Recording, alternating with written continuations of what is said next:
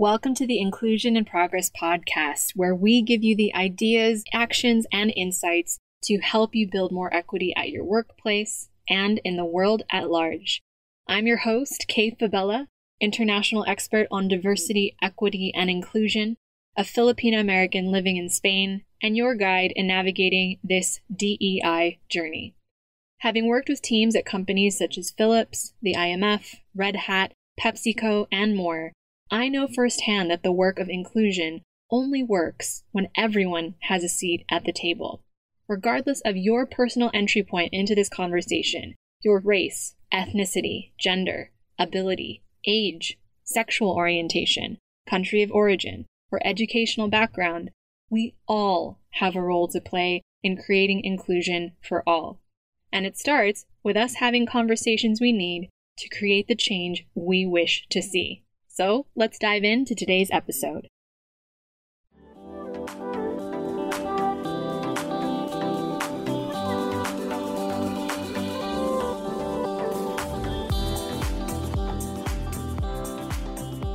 Hey there, and welcome back. Now, as this episode goes out, yours truly is in London town. Yep, she's left Spain, y'all.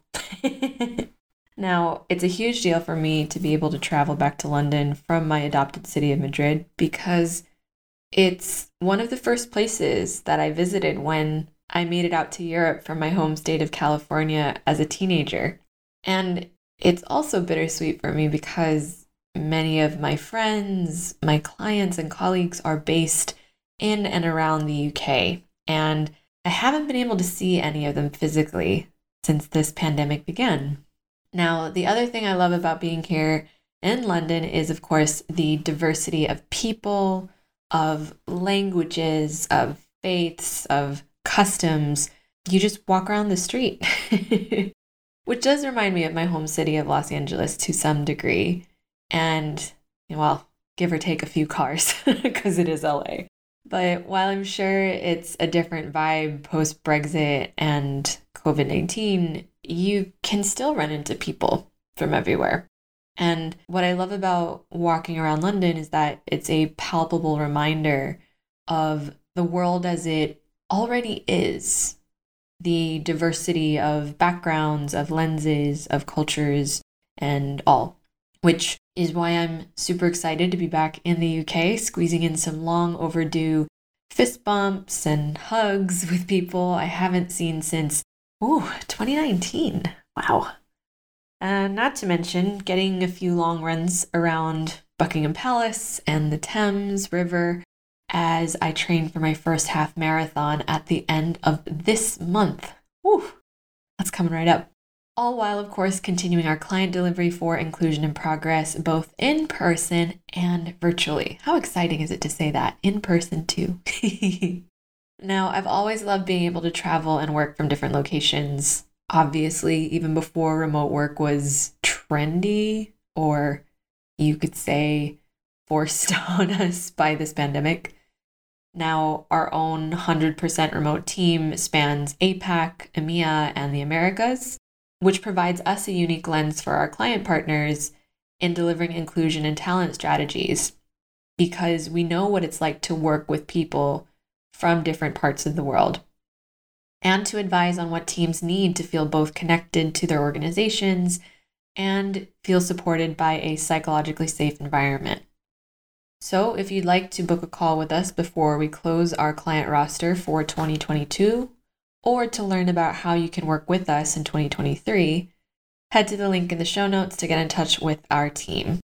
Now, if you've been to our digital home at inclusioninprogress.com, you'll see that one of the big ways we're shifting our own workflow is by only taking on 10 client partners per year, which allows us to go wider and deeper with our relationships while giving our team a sustainable way to deliver the work that we care about. And as of this time of this recording, we have four more client spots for the rest of the year. So, again, you can reach out to us at the link in the show notes of this episode. That's episode 88 if you're rolling along. Or email us at info at inclusioninprogress.com to book a call and learn how we could partner with you this year and whether or not one of our services is a fit for your team or organizational needs.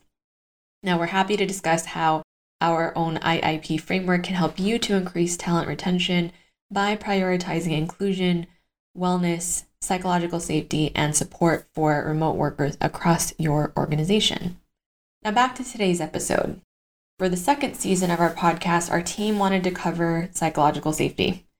Because, as many of us know, psychological safety is a determining factor for a company's ability to foster inclusion and to support their team's collective well being. Now, we already kicked off this season with an in depth definition of psychological safety and what it means in the context of remote teams, which is a bit of our specialty. So, if you haven't already listened to episode 87, please be sure to go ahead and do so. But as we know, psychological safety can mean different things to different team members with all of the different lived identities that they occupy. And when it comes to the workplace, at any given time, those different lenses influence how we interact with those around us and the world at large. And those lenses, those identities are always colliding and compromising with those of others based on their own identities. Now, most of the identities that we draw from and discuss within the context of diversity, equity, and inclusion, or DEI, relate to culture, to country, to language, and lived experiences. However, during one of our Friday team calls, we realized that there was another missing dimension that we tend to overlook that of faith, of religion, and spiritual beliefs. Specifically, we realized that on Team IIP, there are actually three faiths represented among us.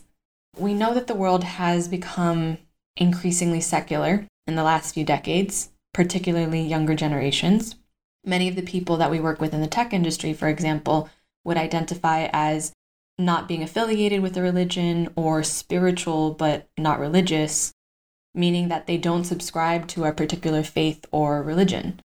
But religion remains an integral part of many people's lives, with 84% of our global population identifying with a religious group. So, this is interesting for us to discuss for two reasons. The first being just because we don't identify with a religion or don't know someone who talks openly about their religious beliefs doesn't mean that our colleagues and our direct reports don't consider their religion or their faith a key aspect of their identity. Oftentimes, many just prefer not to disclose their faith in a more secular or, say, predominantly Judeo Christian Western working environment. And the second reason is this religion and religious beliefs have always been a part of the DEI conversation in workplaces, even if fewer people seem to openly identify as religious at work. Back in episode 31 of this podcast, where we defined where racism came from, we highlighted the 1964 Equal Employee Opportunity Act in my birth country of the US. That act was passed as a direct response to the civil rights movement and created what we know as protected classes. This also formally recognized the inequities of underrepresented or minority groups and made it illegal for organizations to discriminate against them. But many people forget that this same Equal Employee Opportunity Act also included a provision for companies not discriminating on the basis of religion and or lack of religious beliefs, which ties into this idea of how we can foster a psychologically safe environment for those on your teams that have a religious practice or that subscribe to religious beliefs. If, for an example, an employee doesn't feel like accommodations will be made for them to observe fasting during Ramadan, they're less likely to disclose their faith and therefore less likely to contribute to or stay on your teams. So, for today's episode, we wanted to dive into an overlooked topic of many DEI initiatives the importance of supporting team members' faith and spiritual beliefs in the workplace. So, let's dive right in. Let's start first by looking at why it's important to include faith in our diversity, equity, and inclusion initiatives. Nearly all mainstream business articles that we've read or viewed or researched in relation to this episode around things like DEI, remote work, or cross cultural communication all advocate this idea of personal openness and fostering psychological safety that allows us to share our core identities at work. But the vast majority of the articles that we viewed still avoid the topic of religious expression in the workplace. When we deliver workshops for client partners and invite participants to consider the different ways their identity shapes how they engage in the workplace, we're also asking them to look at the non obvious or non visible aspects of diversity, including faith and religious beliefs.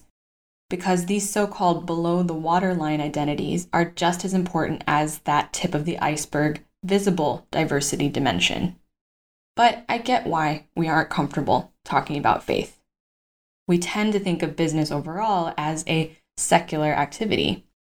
And even before the pandemic forced us to navigate working from home, organizations were already seen as challenging settings for conversations about faith and religion.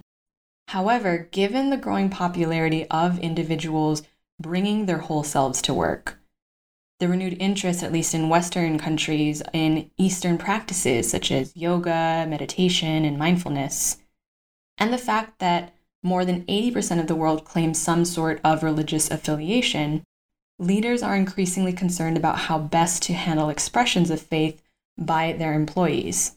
Whether you have colleagues or direct reports that identify as some denomination of Christian, Muslim, Jewish, Buddhist, Hindu, or are unaffiliated with a religious practice or institution, for many religious team members, their faith is associated with deeply held values that inform their actions and behaviors at work, as well as, of course, in their personal lives. Now, some of our team's religious observances or practices can include things like attending worship services, praying, wearing religious dress or symbols, displaying religious objects, adhering to certain dietary rules, forms of religious expression, refraining from certain activities such as fasting or abstaining from drinking alcohol, and more. In workplaces where employees feel that psychological safety to be comfortable talking about their religious beliefs and how their lives are shaped by them, our teams can gain a richer understanding of our colleagues' personal motivations and of values at play in our organizations which helps leaders increase their understanding of how to support their diverse workforce. At the same time, it's no surprise that religion is a topic that's avoided in workplaces. One reason is that it varies greatly by geographic location and culture. In Norway, for example, it's considered extremely rude to discuss anything related to God, Christianity, or religious beliefs in general, and doing so is highly discouraged as being offensive or even exclusionary behavior in the workplace. Contrast that with the majority Muslim work calendars of places like the UAE or Qatar, where religion is quite literally at the heart of the workplace structure and employee ecosystem. Another reason is that since religion is an intrinsic marker of one's identity and personal values, and shapes how they live and operate outside of the workplace, it's much more likely that employees of different faiths in a work environment will disagree when they feel that their religious beliefs are being challenged. Now, expressions of religious belief may also conflict with the requirements of the business, which forces employers to walk that fine line between non discrimination on religious grounds, service to the end user or customer, and fair treatment of all of their employees. We've seen examples of where companies that are explicitly religious, like, say, for example, the Salvation Army, or examples of where founders' religious beliefs or CEOs' religious beliefs affect company policy, like Chick fil A or Hobby Lobby in the US. We've also seen examples of companies where cases of religious dress, such as being able to wear a hijab at work, have resulted in lawsuits, causing people to leave or even to be fired which in turn damages the organization's reputation and makes it more difficult to attract or retain talent and customers. Now, those that don't describe to the beliefs of their company's leaders may find themselves breaking under the strain of working for an organization that they feel is forcing them to go against their personal value system. Or worse yet, those who fall into a minority faith group in their company may find themselves on the receiving end of discrimination and exclusionary behavior. With so much at stake, it's little wonder that organizations bypass or gloss over discussing religion in global diversity, equity, and inclusion initiatives. But here's the truth everyone has a viewpoint on religion or faith, whether their belief is atheistic or dogmatic or academic or indifferent or somewhere in between. Managing these various points of view with respect and equity can support creating a culture where employees are happier and more productive while also supporting legal compliance for organizations. When we think about it, looking back in history, religion and the wars that were fought and the cultures that were formed around religious beliefs had a heavy influence on our current global landscape. And faith continues to influence our employees today. When employers and leaders work to actively accommodate highly diverse religious beliefs and practices by fostering psychological safety, the values of business, of customers, and employees can coexist. Now, as we looked at back in episode 87, psychological safety isn't about getting everyone to agree with one another. It's about creating a working environment where everyone can collaborate and collide with compassion which makes our teams better equipped to respond productively to leverage the value of the different perspectives, opinions, and ideas present in our workplaces. So, now let's take a look at the ways that we can include faith in our DEI initiatives and how that's linked to fostering psychological safety on our teams. It's no secret that organizations have been focusing heavily on talent retention, specifically, how to establish work environments where so called differences are treated with respect and inclusion, and where those diverse perspectives are effectively leveraged to motivate our best employees to stay. But DEI programs, including employee onboarding and mandatory training, should also be mindful of including religious differences. It's important to clarify that it's the responsibility of every one of our employees to be aware, to be knowledgeable, and to be respectful of a wide range of both religious and non religious beliefs that are present at work. Allyship training and bystander initiatives, which we often hear thrown around focused on race or sexual orientation, should also include information on how to be an ally for coworkers of different faiths. If an ally is a person who actively supports an underrepresented or historically excluded group of which they are not a member, then employees should be encouraged to speak up for others and take actions such as supporting a coworker who is subjected to insensitive or harassing conduct. So, for example, when a hiring manager indicates not wanting to hire a candidate who wears a headscarf because they probably, quote, can't work the schedule that we require, others involved in that hiring decision should speak up and question that assumption as allies. Or when an employee who is, say, a Jehovah's Witness declines to attend a company celebration and is referred to as antisocial and unappreciative by a coworker, other employees can take the opportunity to be allies themselves and show support by letting their coworker know they respect their colleagues' right to honor their religious practices at work. Ultimately, it's important for employees to know that they're safe to disclose their religious beliefs or lack thereof at work.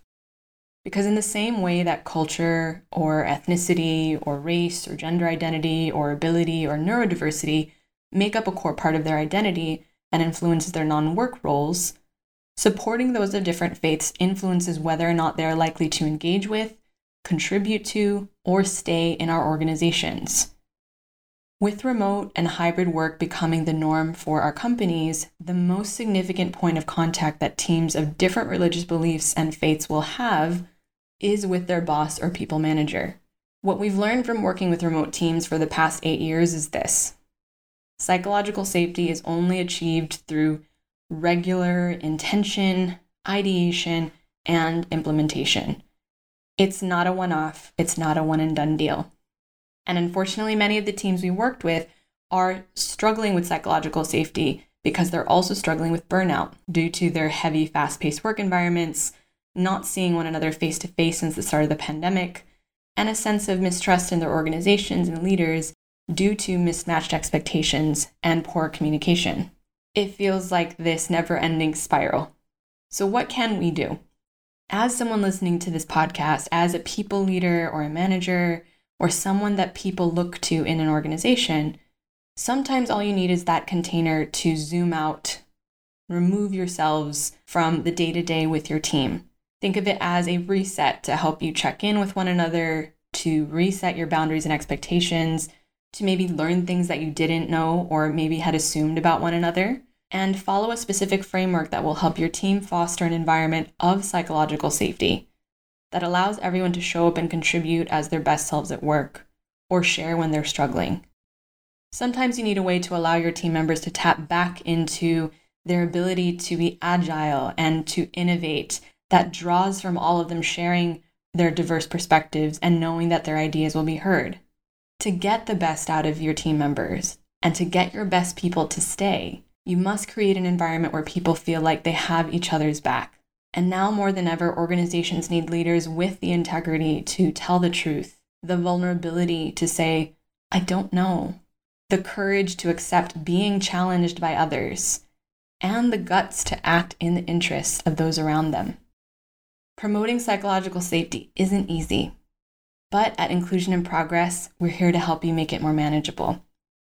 Through our remote team building workshops, we partner with people managers to help their teams create a shared working agreement that fosters inclusion, that relies on both a shared code of conduct and structures for communication that work in a virtual work environment, all while having an open discussion about what's necessary for your team to thrive and trust in one another. Every experience will be different because they are tailored to each team's participants and the makeup of who's on your team and where they come from. So, if you would like to learn more about how to book a personalized psychological safety workshop for your remote team, that helps you boost morale and engagement at a time when people need it most, head to the link in the show notes to get in touch with our team or email us at info at inclusioninprogress.com. We've just opened up slots for Q4 and for Q1 in 2023. So before we close our calendar for the rest of this year of 2022, when you're listening to this episode, we'd love to share how we could partner with you this year to foster inclusion for your team or your organization. Last but not least, let's take a look at how to ensure and support religious freedom within your work culture against the backdrop of our post pandemic world. I wanted to end this episode by sharing with you some of the ways that we've witnessed companies supporting an environment of psychological safety for teams of different faiths and religious beliefs from across the world. As we navigate in person work again, DEI, HR, and people leads have also begun to consider religious accommodations for staff who choose to work in the office. According to the Equal Employment Opportunity Commission, or the EEOC in the US, a reasonable religious accommodation is any adjustment to the work environment that allows employees to practice their religion or honor their sincerely held ethical or moral beliefs without causing undue hardship to the employer. Now, that sounds very general. so let's break that down a bit. Modifications to workplace practices or policies or procedures that account for these religious accommodations can include things like flexible scheduling for those of different faiths, voluntary substitutions or swaps, or job reassignments and lateral transfers within the company. Another example is how and when team members are able to take time off and allowing them to choose without necessarily having to follow a, say, majority Judeo Christian calendar that dictates days off in many companies. This could also include things like educating managers on the different religious holidays and observances of their team members, such as being mindful of scheduling calls during prayer times or high holy days. Or this can include encouraging teams to create a working document where they can list important dates or religious observances for their colleagues to be aware of. These are just a few examples of how organizations can accommodate an employee's religious beliefs, practices, and observances. For those who are looking to redesign their in person workspaces, organizations can be more intentional in either repurposing or designating interfaith or multi faith prayer rooms. Whether teams are observing Ramadan or are of the Orthodox Jewish faith or prefer to engage in their own personal meditation practices at work throughout the day, having a non denominational space for team members of different faiths has already been a practice at inclusive organizations prior to the pandemic. So we're now witnessing companies not just revisit or establish policies and procedures that support those types of multi faith prayer rooms, but also looking at policies and procedures that team members know that they can use to request religious accommodations if need be. Or we're witnessing companies working to ensure that company policies don't inadvertently discriminate against different faiths, such as dress code policies that restrict religious dress or facial hair. Or creating their own internal calendar that is sourced from different cultures and countries across the organization and being more inclusive of all the different faiths that are present in the organization at large. Finally, rather than discouraging religious discussions at work, we should be looking at providing employees with cross cultural and globally referenced resources on how to learn about their coworkers' religious preferences with respectful discussions. Fostering a sense of psychological safety for all of our team members across the globe starts with an organization doing their due diligence to incorporate important cultural and religious holidays for those of different faiths instead of focusing on where their companies are headquartered. DEI awareness initiatives must also be backed up by providing adequate resources for leaders or people managers who continue to be the first and, in many cases, only point of contact with organizations. These types of resources can include guides for how to foster interfaith discussion, or provide appropriate channels when someone experiences religious discrimination or stereotyping. While it's helpful to educate or inform staff about how to avoid bias, how to foster inclusive language, and how to challenge stereotypes and discrimination against those of different faiths, it comes down to how organizations reward that behavior. So, when clients ask us about resources for supporting workers of different faiths, we often refer them to either the Religious Faith and Business Foundation or the Tanenbaum Center for Interreligious Understanding, which we'll be sure to link to in the show notes if you're looking for that kind of support. Now, the biggest challenge, and I've been kind of dancing around this, if I'm being honest, because it's kind of dicey, but the biggest challenge we are seeing around multi faith teams right now, especially for our US based clients, is around employees asking to be excused from vaccine mandates on the basis of their religious beliefs.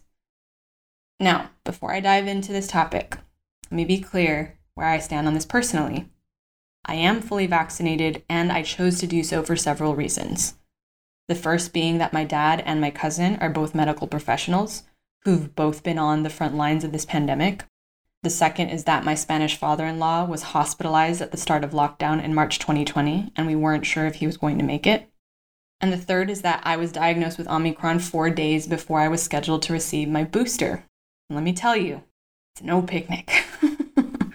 now, my husband, who had received his booster, did not get the virus despite us both being in the same household. And it convinced me to get the booster as soon as I was able and I was recovered. All of that being said, I also know that the dialogue around vaccines for both skeptics and supporters is unfortunately a challenging one, especially when it is so linked to either political or religious or spiritual beliefs. Many members of my own family are still vaccine skeptics despite getting the virus themselves. So while I personally believe as many of us as possible should be vaccinated, I also know that the polarization around the topic requires sensitivity and intentionality for employers who are trying to adequately honor that diverse range of beliefs around vaccines in the workplace. Now, while many public and private employers in the United States have required workers to be vaccinated against COVID 19, we know that some are allowing exemptions for people who say that the vaccine violates their religious beliefs. In October 2021, the EEOC issued additional guidance to help employers identify the credibility of an employee's request for exemption from the COVID 19 vaccine. And in that update, they clarified that social, political, or economic views, as well as mere personal preferences, are not religious beliefs subject to a religious exemption from COVID 19 vaccine mandates. Now, this clarification is particularly important because employer vaccine mandates have become, as we know, highly contentious. and employees may claim that their personal or political or other non religious beliefs exempt them from those vaccine mandates in the workplace. So, in case you haven't read it, the criteria that the Equal Employee Opportunity Commission recommended when it came to employers evaluating whether or not to give religious exemptions for vaccine mandates were as follows. First, whether or not the employee has acted inconsistently with their professed belief. Second, whether the employee is seeking a quote, particularly desirable accommodation that is likely to be sought for non religious reasons. Third, the timing of the request is quote unquote suspicious. For example, the employee may have recently requested the same benefit for secular reasons and was denied. Fourth, the employer otherwise has reason to believe the accommodation is not sought for religious reasons.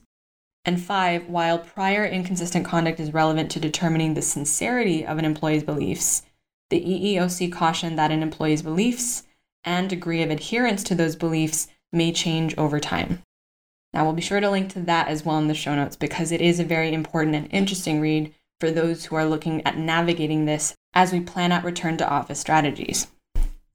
Now, despite this polarizing public debate, we have witnessed from Inclusion in Progress workplaces worldwide that are carefully and very thoughtfully implementing procedures based on the principles of religious accommodation to consider requests for a faith based exemption to their vaccine mandate. We're also watching workplaces evaluate whether or not someone deciding not to get vaccinated will be allowed in a physical workplace because of the other commitment to equal employee opportunity, which is around undue hardship that not being vaccinated would incur on other teams who chose to return to the office. This is very local, very time intensive work, and we're watching and witnessing leaders evaluating not just the sincerity of religious belief, but also looking at how to handle each one on a case by case basis. Now, again, there is no right answer for how to discuss vaccines when an employee asks for an exemption based on religious objections. But part of fostering psychological safety is, in fact, leading this discussion with, say, vaccine skeptics in a way that encourages transparency and understanding. One way to lead this discussion would be to share something like this I understand you're concerned about the COVID 19 vaccine we respect your opinion and will respect your decision about getting vaccinated, regardless of which option you choose. We also expect that you will also afford the same respect to your coworkers who may make different decisions to you. Now, spreading fear among your peers is ultimately unhelpful in creating the type of work environment that is productive and psychologically safe for others, and will also make it harder for others to make their own informed decisions about vaccines.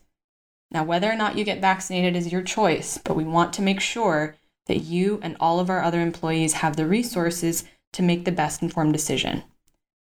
And then offering links to relevant information from governing bodies like the CDC or the WHO, offering to set up a one to one with another employee who has been vaccinated to share their experience, or even offering a way to speak to a medical professional about the vaccine to address their concerns. An inclusive work environment that fosters psychological safety, yes, even with something that feels as polarizing as vaccine mandates, supports the expression of all of our colleagues' religious identities at work. To engage with religious diversity in an open, psychologically safe way relies on individuals and organizational structures to foster a climate of inclusion. It also relies on an effort by people leaders on how to consider the extent to which common religious values align or can be aligned with organizational values that contributes to a culture of psychological safety for all team members. In fact, a person doesn't need to be religious in order to face conflicts with their personal values at work. Research demonstrates that employees frequently choose their employers and craft their work days in ways that are consistent with personal values. For individuals to feel psychologically safe means feeling free to express elements of themselves without fear of any harmful or potentially adverse implications. And it's up to organizations, it's up to leaders, and it's up to individual employees to foster that psychological safety, especially when we're navigating conversations that are neither simple nor straightforward. Because it's through that dialogue that we attempt to foster understanding and align our individual values and beliefs with those of the organization that we work for. So, there you have it why faith is often the forgotten or overlooked dimension of diversity, equity, and inclusion initiatives, why considering religious or spiritual beliefs is critical to fostering psychological safety, and specific ways that we're seeing global companies address religious beliefs in our post pandemic remote first working world. Though today's episode is, of course, inspired by our work with client partners like folks at Red Hat or Instagram and more, the conversation today is especially important for anyone responsible for leading others at work, who, as we know, are all navigating multiple team members' states of mental, emotional, and psychological health in the workplace at once. As I've said before, what we've learned from working with remote teams is this psychological safety requires regular intention, regular ideation, and regular implementation. It's an ongoing process that all of us must continue to understand and contribute to daily. And many of the teams that we're working with that are struggling with psychological safety are just in need of a pause. As leaders, sometimes all you need is that pause to help you check in with one another, to reset those boundaries and expectations, to maybe even have some more honest conversations of what your team needs to move past instances of mistrust or miscommunication to foster an environment of true psychological safety while working in a remote environment. To get the best out of your team members, people must feel that everyone has each other's back. Thankfully, our team is seeing more people managers and folks like you listening to this podcast willingly and openly asking for what they need, actively working to understand what their employees need, and sharing what they'd like to see more of in the future of work. It's this kind of dialogue that will help support our teams to want to stay, to unlock their potential without sacrificing their humanity or ours in the process. With teams spanning more locations, lived experience, identities, religious beliefs, and cultures than before, it's easy to feel overwhelmed. At Inclusion in Progress, one of our specialties as a fully remote team that spans countries and cultures is how we've learned to embrace nuance and humility in pursuit of consensus across difference and in search of new ways to respond to the challenges that face us. Rather than modeling how to avoid conflict, we focus on empowering individuals to address setting healthy boundaries together, leading to team and company cultures that foster psychological safety, inclusion, and sustained growth. Through our remote team building workshops, we partner with people managers to help their teams support psychological safety at work and foster an open discussion about what's necessary for teams to have those hard conversations, look out for each other, and innovate and engage together. So, if you'd like to learn more about how to book a psychological safety learning experience for your remote team, head to the link in the show notes or get in touch with our team by emailing us at info at inclusioninprogress.com. Before we close our calendar for the rest of 2022, we'd love to share how we could partner with you to foster inclusion for your team or organization. We've developed long-standing partnerships with the likes of Red Hat, Headspace, and Instagram, and we'd love to discuss how our own IIP framework can help your team or organization to foster psychological safety. As always, if you like the episode, please share it with other leaders and changemakers who would benefit from a more inclusive world. Thank you so much again for listening. We truly value your time and attention, and we'll see you next time on Inclusion in Progress.